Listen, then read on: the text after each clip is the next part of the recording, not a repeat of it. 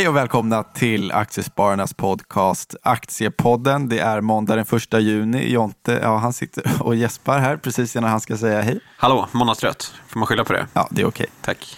Kalle Söderberg heter jag. Det är vi två i poddstudion idag. Yes. Och eh, vi kan konstatera att börsen är upp 1 Fortsätter sin starka trend. Var upp 4% för två veckor sedan. Förra veckan var den upp 5 Lite sur stängning i fredags. Det var väl framförallt en rädsla kanske för att Trump skulle hålla en presskonferens sen. Man var rädd för att det skulle bli mer fokus på handelskrig, att han skulle hålla en hård ton. Men eh, det blev inte så farligt ändå.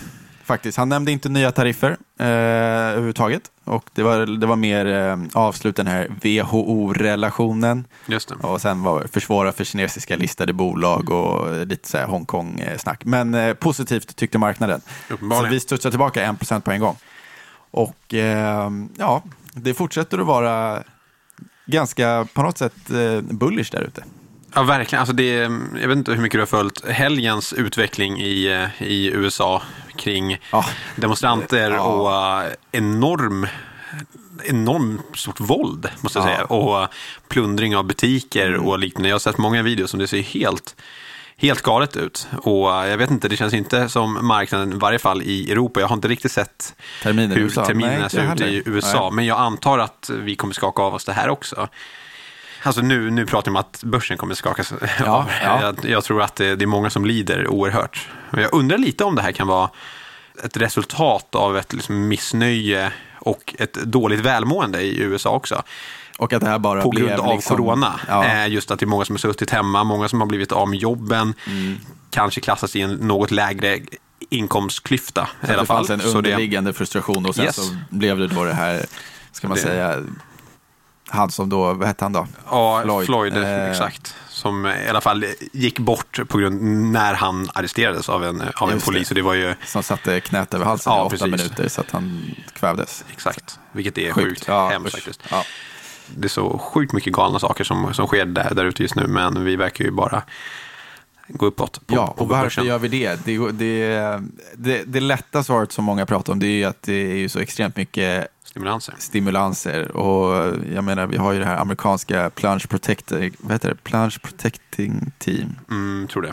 Ja. Plunge protecting, yeah, protection, team. Ja, exakt. eh, och eh, de har ju då till uppgift i USA att på något sätt stabilisera ekonomin och marknaden. Och eh, man brukar ofta skämta om när, när det gått väldigt eh, snabbt ner så brukar det gå snabbt upp och då brukar man alltid skämta om att ah, men nu är det bara PPT så, Som in och stödköper. Ja. Eh, men nu har vi, så jag menar, de och, och alla andra gör i princip allt de kan för att, Ja. för att investerare ska, ska bortse från det här liksom, det vi befinner oss i nu. För det är ju det är ett fritt fall i, i, i ekonomin och Ja, egentligen absolut. bolagsvinsterna kommer ju också eh, få lida på, av det här. Men eh, Absolut. det ska inte spela någon roll och det är väl bara att titta på, på värderingen på börsen. Eh, där eh, S&P var nere på P 12 såg jag när det var som eh, brunast, där Mm. Just det. 23 mars, för att sen studsa upp till P 22 nu. Ja, det är helt galet. Och Eh. då känns det ju som att, att vinsterna kan, kan sjunka ännu mer. I alla fall min, eh, min bedömning. Och Alltså om man exkluderar de stora jättarna i de, de amerikanska IT-jättarna som, det, som känns som man kunna rida på den här vågen ganska starkt. Men jag vet inte, jag tror att är det prognoserna ligger på att vinsterna ska falla runt 14 procent Ja, eh, för helår va? Nu är du inne på min graf som jag skulle prata om. Aha, okej, men kom in på din graf Ja, ja. så tar vi Okej, det därifrån. här kommer dagens graf. Med Kalle. Eh, och min graf var exakt det. Ja, eh, att eh, vinsterna av 12 månaders rullande EPS Mm. på USA är ner 14 procent. Vilket kan tyckas lite blygsamt. Börsen är på samma period då, då den är då upp 17 procent. P talet har gått från 12 till 22. Mm. Helt plötsligt ganska dyrt. Och upp från botten, vad var det du sa där? S&P. Det är bara intressant från, från botten. Eh, S&P är upp 35. eh, 36 procent har jag skrivit upp här. Ja, Så att, eh, de är 10 procent från, eh, från gamla all time high. Vilket man kan tycka är fascinerande med tanke på hur mycket som ändå har hänt i världen. Men Absolut. man ska också komma ihåg att eh, det är ju Fang, eller Fang Man, eh, som, som driver den här börsen. Eh, alla de teknikaktierna som Absolut. går otroligt starkt. ja och, det, och det som, är, som sker också är att de växer ju och får en ännu större andel av index. så Ja, det, ja. blir ju, det kommer ju fortsätta i samma takt om de lyckas liksom kapitalisera så pass bra som de har gjort på den här krisen. Just för att de kan rida på den här digitaliseringsvågen som, Ja, som har skett. exakt. Och det, det har ju varit så tydligt nu, verkligen tydligt, att eh, marknaden, som vanligt i och för sig, letar ju tillväxt. Mm. Verkligen. I en sån här stökig marknad, man hittar bolag som kanske gynnas av det som händer och de upp, fortsätter att visa starka tillväxtsiffror, men det är klart att de drar till sig kapital. Ja, eller jag såg en, en, eh, eller läste lite här i helgen att du vet Zoom. Mm, Som, vi sitter med på våra avdelningsmöten. Exakt. Alltså, ja. Jag såg att deras market cap nu var lite större än de st- fem största flygbolagen i hela världen. Eh, Det är ganska fascinerande Ja, för ett bolag det- ingen visste någonting om för fyra månader sedan i princip. Ehm, Det säger någonting om, precis som du säger, just hur man, hur man letar tillväxt och liksom måste placera sina pengar någonstans och så söker den här tillväxt-storyn Mm. som, som många har också. Ehm, Ja, nej, men vi kan väl konstatera i alla fall att det, på något sätt så har det gått att bli från en meltdown till en meltup Ja. tack vare extremt mycket kapital där ute. Och det, är liksom, det har blivit en ganska tydlig, vad ska man säga, disconnection Mm. eh, på något sätt mellan, mellan eh, välmåendet på de finansiella marknaderna helt plötsligt och eh, den reala ekonomin som ju fortsatt ser väldigt svagt ut. Och coronakurvan eh, har jag sett också har vänt upp nu globalt. Jag såg precis innan vi gick in här i studion så tror jag det var Iran som hade högsta antalet smittade på, på två månader. Och det var ju ett, har varit ett väldigt drabbat land Mm. också. Så det, jag tror att, jag har inte exakta siffran i huvudet nu, men det är ju väldigt kraftigt då. Och nu är ju Brasilien och Latinamerika är väl kanske det man oroar sig mest över. Eh, generellt. Jag tror att Bra- Brasiliens börs fortfarande är ner nästan, om det är 40-50 procent i år. Ja, och de, de har Så ju det- dessutom lite fler problem Ja, i, i sitt så. land än corona. Så det blir verkligen... Eh, Verkligen. Funny fact.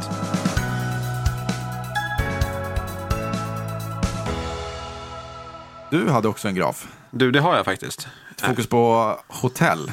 Ja, exakt. Det är ju alltså um, beläggningsgraden i, i USA Mm. för ho- hotellen då. Och då vet vi att det här kan vi väl översätta ganska direkt till, till kanske våra, Ja, våra svenska eller ja, nordiska jag europeiska skulle säga marknaden den och, största Scandic i det ja, fallet. Då. Absolut. Eh, Men fascinerande är då, alltså om man kollar in på någon form av mediansnitt för, för beläggningsgraden mellan 2000 till 2018 så brukar det vara en beläggning på lite ja, drygt 60 pro- procent. Den li- ligger och pendlar generellt mellan 60 och 70 pro- procent. Mm. Här vid botten Och det här är ett snitt då från 2000 till 2018. Exakt, exakt, Ja. precis. Ehm, och sen här vid botten då, vid i mitten av mars, så var vi nere på drygt 20%. drygt 20 procent. Vilket är ett enormt tapp. Vi har aldrig sett något liknande. Om man liksom blickar in, eller blickar bak till finanskrisen så låg vi kring 60 pro- procent, trots att vi hade en total finanskris. Så det säger ändå någonting hur pass liksom utsatt den här, den här branschen Mm. uppenbarligen har, har varit. Och vi har ju sett en, en återhämtning när vi har kommit in i april och maj. Nu ligger den kring 30 procent, lite, Ja, det är en ganska drygt. ordentlig fiskkrok ändå. Absolut, absolut. Och det är väl det som folk hoppas på att vi kan komma tillbaka. För just den stora grejen med den här branschen är ju att den är så extrem Ja, men det är ju väldigt, väldigt många som jobbar inom den, så det är ju väldigt många som blir direkt drabbade om man liksom kollar på arbetslöshet eh, fram, framför allt. Och dessutom en bransch som är ganska beroende av både, fram, framförallt i USA, men med, med dricks och liknande. Så det är ju många som blir drabbade eh, när det ser ut som det gör. Eh, så vi får väl hoppas att den, att den fortsätter komma tillbaka till någon form av eh, no, nor- normaliserad liksom, ni- nivå. Eh, Exakt, och vi har ju, om vi kollar då på våra svenska bolag som har eh, väldigt tydlig direktexponering mot det här, typ Scandic eller Resor, SAS, så har ju de i alla fall, om vi ser tillbaka till förra veckan, så har de ju kommit tillbaka ganska starkt. Och Scandic från 120 till 20 spänn på vadå, några veckor. Ja. Eh, kommer snabbt tillbaka till, vad var de på, 40-50. Ja, eh, sen så var det ju då den här företrädesemissionen.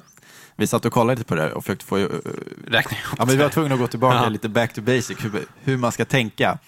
Eh, för då var det ju så att du får alltså sju befintliga aktier, gav rätten att teckna sex nya aktier till 20 spänn. Mm, just det. Och aktien stod då i 54 spänn, ser jag nu här. Så då tog du alltså då 7 gånger 54 plus de sex nya aktierna gånger 20 då. Och så delar du det på 6 plus 7, 13. Och då fick du 38,3. Just det. Så att där någonstans borde den öppnat i fredags och jag tror att den gjorde det. om jag Mm, inte missminner mig. Nej. Och, och nu handlas den kring 42. Så, att, ganska eh, positiv reaktion ändå, när de släppte villkoren då. Ja, det, alltså, man det säga. får man Och nu har de ju en st- starkare, starkare finansiell ställning och eh, jag Ja. tycker att det är ett bolag, återigen, det det är en ledning tycker jag som har gjort mycket rätt innan och varit, och varit duktiga och det är svårt att parera för det här. Eh, såklart, men Ja. jag tycker att de hade gjort vissa grejer innan, typ eh, lite mer rörliga låneav Ja. eller hyresavtal och sådär. Eh, Och på något sätt så, den stora oron och liksom den stora anledningen kanske till det extremt kraftiga fallet där i början var ju också på grund av att man förstod att det skulle komma någon form av kapitalanskaffning, men man visste inte villkoren, man visste inte hur det Nej. skulle se ut. Men nu så vet vi det. Så det känns som att vi har en betydligt bättre grund att stå på när vi nu vänder upp. Ja. Och hela sektorn troligtvis, säger vi. så länge vi inte får någon eh, obehaglig våg två som slår undan benen på ekonomin totalt. Eh, Nej, Den, den risken finns, absolut. Men det är inte mitt huvudscenario. Nej, och det, det känns som att de flesta länderna börjar förstå att vi kan inte, vi kan inte stänga ner samhället igen. Då, då kommer det inte finnas mycket kvar. Nej. Så den svenska modellen, den visar sig vara helt okej. Ja, vi får väl eh, se här. Ja, vi, det har ju Det börjat trenda lite sämre kan Ja. man känna ute i media, eh, Faktiskt. framförallt Ja. internationella media, hur, hur de ser på, på både oss svenskar men hela vår stra- strategi. Ja, shit, vi får inte resa någonstans i sommar. Nej, vi blir ju ganska exkluderade. Ja. Vi får se vad, vad Gotland säger nu. Det Nej, vore jäkligt jag- tråkigt, för jag skulle till Gotland, eller jag ska förhoppningsvis jag, till jag, Gotland. jag tror att Gotland nästan måste föra över eh, liksom inhemsk turister för annars, alltså det är ju så stor del av deras ekonomi. Ja, så det vi, finns alltså ju det, två, vi måste två tydliga läger där. Ja, ja, absolut.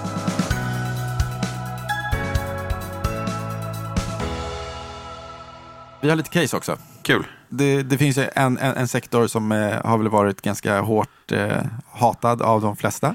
Absolut, men alltså jag har gillat den. Men och du har gillat den. Och fick ju, Vi kan prata om. hade fel. Eh, iGaming, lite skillnad, eller det jag skulle säga att det är ganska viktigt att skilja på, på iGaming och sen iGambling. Ja. Eh, och sen rent liksom gamingsektorn. Så gamingsektorn är väl lite mer dataspel eh, som har gått väldigt bra nu Mm. också under den här krisen. Men om man pratar gamblingsektorn är ju då lite mer spel, om, eh, Exakt. spel på nätet. Ja. Helt enkelt om pengar. Och Vad- den spelsektorn har ju liksom åkt på stryk både från politiskt håll Absolut, och fonder absolut. som inte vill ha ägare med sina portföljer. Vi ser ESG-flöden som är extremt Det- stora som liksom inte vill vara här. Absolut. Eh, vilket har ju inneburit ett eh, latent säljtryck egentligen i den här sektorn under, under en lång tid. Absolut. Eh, sen finns det ju vissa, typ Evolution Gaming, som har gått otroligt starkt i alla fall. Ja, Det, det är rätt fascinerande hur den inte kunde bli så pass drabbad av det här ESG-flödet. Men de hade inte riktigt den ägarbasen innan heller. Nej. Ehm, så jag, det måste ju vara det. För du var inne på en intressant grej där, att, att Kambi, var det så att de övervägde möjligheten att noteras i Exakt. USA för Ja. att de amerikanska sektorkollegorna Ja, det- får helt andra multiplar. Ja, exakt. Och det är den, den, den största som ganska nyligen noterade sig i USA heter DraftKings som är en operatör. De har en eh, B2B-del också som har ett market cap runt, runt 100 mil, miljarder, vilket är i nivå med, med Evolution. Men om man liksom kollar på viktiga nyckeltal så exempelvis Kambi som är en B2B-leverantör också så, är det ju, så ser den väldigt billig ut om man sätter i relation till, till eh, DraftKings exempelvis. Mm. Och då vet jag att, att Kambi har varit ute och funderat. Eh, det går i alla fall rykten om, Ja. eh, om det, så vi, vi får väl se. Intressant. Även en, att det skulle kunna vara en intressant uppköpskandidat på så sätt, just för att För att den blir billig. rent. Ja, exakt. Eh, Men alltså det, det är flera av de, de svenska bolagen, alltså jag tror verkligen att de drabbas av att, att vara no, noterade i, i just Sverige. För att vi har det här politiska trycket och eh, som precis som du var inne på, där ESG-flödet har ju verkligen påverkat aktiekurserna negativt. Mm. Eh, Samtidigt som bolagen börjar trenda ganska bra om vi kollar till.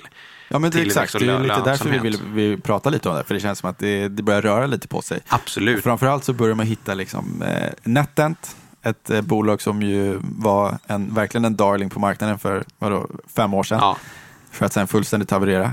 Eh, och nu, eh, det börjar ändå röra lite på sig där. Och det kanske börjar bli intressant när Evo handlas till ev-ebit 30 typ. Mm.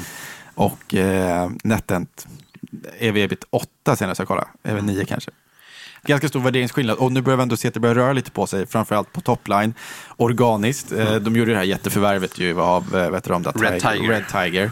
Men nu börjar ju faktiskt röra sig framförallt på live kasino-delen. Ja, Men, och det är väl det som folk vill se. Jag tror att det är Ja. den viktigaste parametern att kolla på under, under, eh, under Q2, Q3, Q4 här att man ser att det är en stabil tillväxt för live casino-delen. Eh, för det är ju, alltså, och så som jag resonerar lite också, så de behöver inte ta jättestor marknadsandel från, från just Evo som är marknadsledande. Men bara de tar en, en liten del av marknaden mm och med tanke på hur de värderas som, som helhet så borde det absolut finnas, en, finnas rum för marginalexpansion. Eh. Ja, och eh, alltså för jag kollar lite prognoserna. Eh, nu Q1 2020, då är Live Casino står för 5% av omsättningen mm. i Netent och förväntas om, eh, vad blir det då? Om, om ett år ska den gått från 5 till 15 procent. Ja. Så det är ganska stor andel. Ja, så de, man tror på en tillväxt liksom runt 30-40 procent mm. kvartalsvis nu, närmaste året. Och det, framförallt så i USA en marknad så det växer så det knakar. Mm. Jag läste också att online-penetrationen i Sverige är 52 procent, mm. kommer ganska långt, medan USA är på 3 procent. Mm. Vilket... Och eh. Netent, jag skulle bara säga, de har ju också en, en, en del av sin omsättning i USA.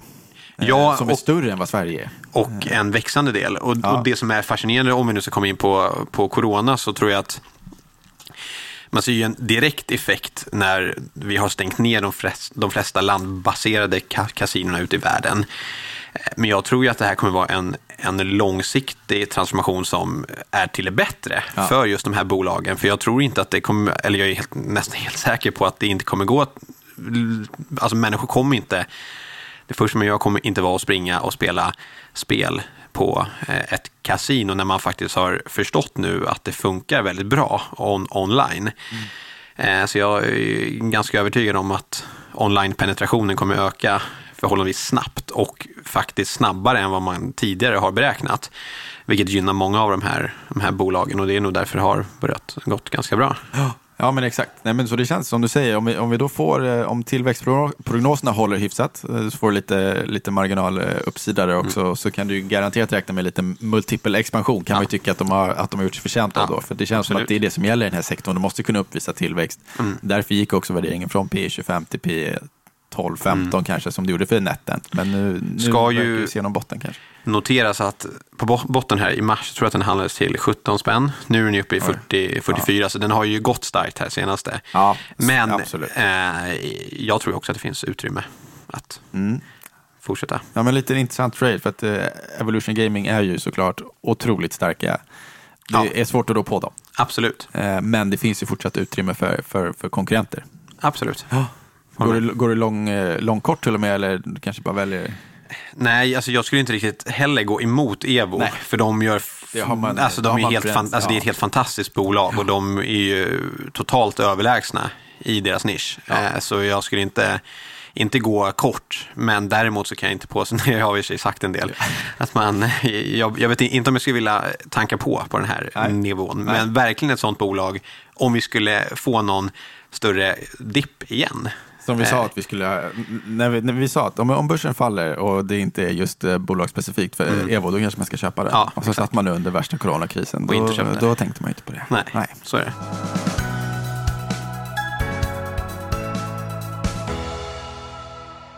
Eh, vi har ett, ett case till jag tänkte vi ska droppa som, som ligger dig varmt om hjärtat, som mm. vi även har pratat om tidigare, Det har varit ett innehav i kortportföljen, Oncopeptides, Just det. inom eh, läkemedel. Precis, Blod, blodcancer. Ja, en, en liten eh, kort update. Har, har du den i huvudet? Eh, jo, men ganska, alltså det man kan fylla på med, dels så, de kom här i morse tror jag, att de släppte en liten uppdatering om, alltså man kan säga så här, de har bedrivit och bedriver ett flertal studier, men där två har kommit lite längre och den ena meddelar om en liten nyhet i morse, eh, som egentligen förenklat betyder så att alla förstår att det, de får en indikation på att, att kommande studieresultat kan vara ganska bra. Eh, och den här studien, det det går ut på är egentligen att de kan öppna upp deras potentiella marknad med ganska mycket och jag tror att det är upp mot eh, ja, 4 miljarder dollar årligen den här marknaden då eh, har. Och de har indikation på att deras studieresultat kan bli ganska intressant. Det är väldigt tidigt, men man får en känsla av att det, det går ganska bra här. Och sen kan vi addera på då att, att de, de ska lämna in sitt villkorande godkännande för deras preparat här innan, innan Q2 är slut, vilket är juni. Eh, som man då hoppas få svar på innan årsskiftet, vilket då skulle leda till att de får lansera deras preparat på den amerikanska marknaden kring årsskiftet, kanske början av 2021. Vilket är en potentiell trigger. Eh, först att de lämnar in det i, i tid, vilket är innan, innan Q2 är slut. Och sen att de skulle kunna få ett godkännande då kring årsskiftet. Och då, så redan där bara har de en, en marknad som är eh, väldigt, väldigt stor för ett, ett, liksom ett mindre svenskt läkemedelsbolag.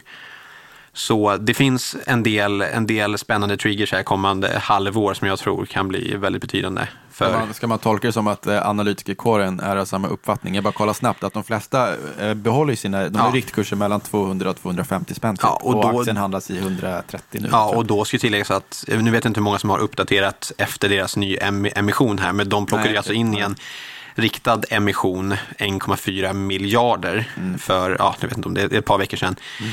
Vilket det var en av de, de, de största emissionerna inom sektorn på okay. oerhört många år. Mm. Eh, så det är ju, bara det är starkt i en sån här tid. Men det var inget problem att få in pengar? Nej, Nej. verkligen inte. De, de utökade eh, från, jag tror de skulle ta in 1,2 miljarder, sen var det, blev det övertecknat så de kunde lyfta det till 1,4 miljarder. Vilket säger något om potentialen. Verkligen. Och bara för att liksom förstå lite den starka datan som de faktiskt har. Jag ska försöka förklara det väldigt Du får en minut på dig. Pedagogiskt. Ja. Nej, men så här, de, de, de får söka eh, ett godkännande på deras fas 2-resultat i USA. I vanliga fall måste man bedriva en fas 3-studie och eventuellt en registreringsgrundande studie. Men de har haft så bra resultat i deras fas 2-studie så FDA, som då ger godkännande, eh, har sagt att de kan söka på deras fas 2, vilket är ganska unikt. Eh, så det är det som ligger liksom bakom hela caset, att de har så pass bra data att de får, får söka i en, i en tidigare fas, vilket då eh, gör att liksom, tiden för att få godkännande går betydligt fortare. Mm. Eh, så det är lite där hela caset är. Det är ju en svår sektor att eh, för, förklara så här på kort tid, men mm.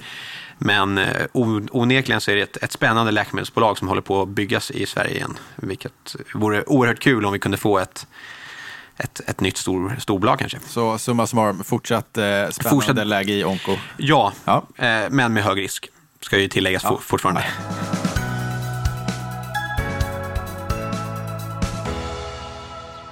Jag har Snyggt. Eh, redaktionsmöte om tre minuter. Då hinner du. Perfekt. Så eh, då knyter vi ihop säcken. Och tack, säger tackar för oss. Eh, Gå tack. ut och sola lite. 25 grader plus. Ja. Gött. Tack. Hej. Hej.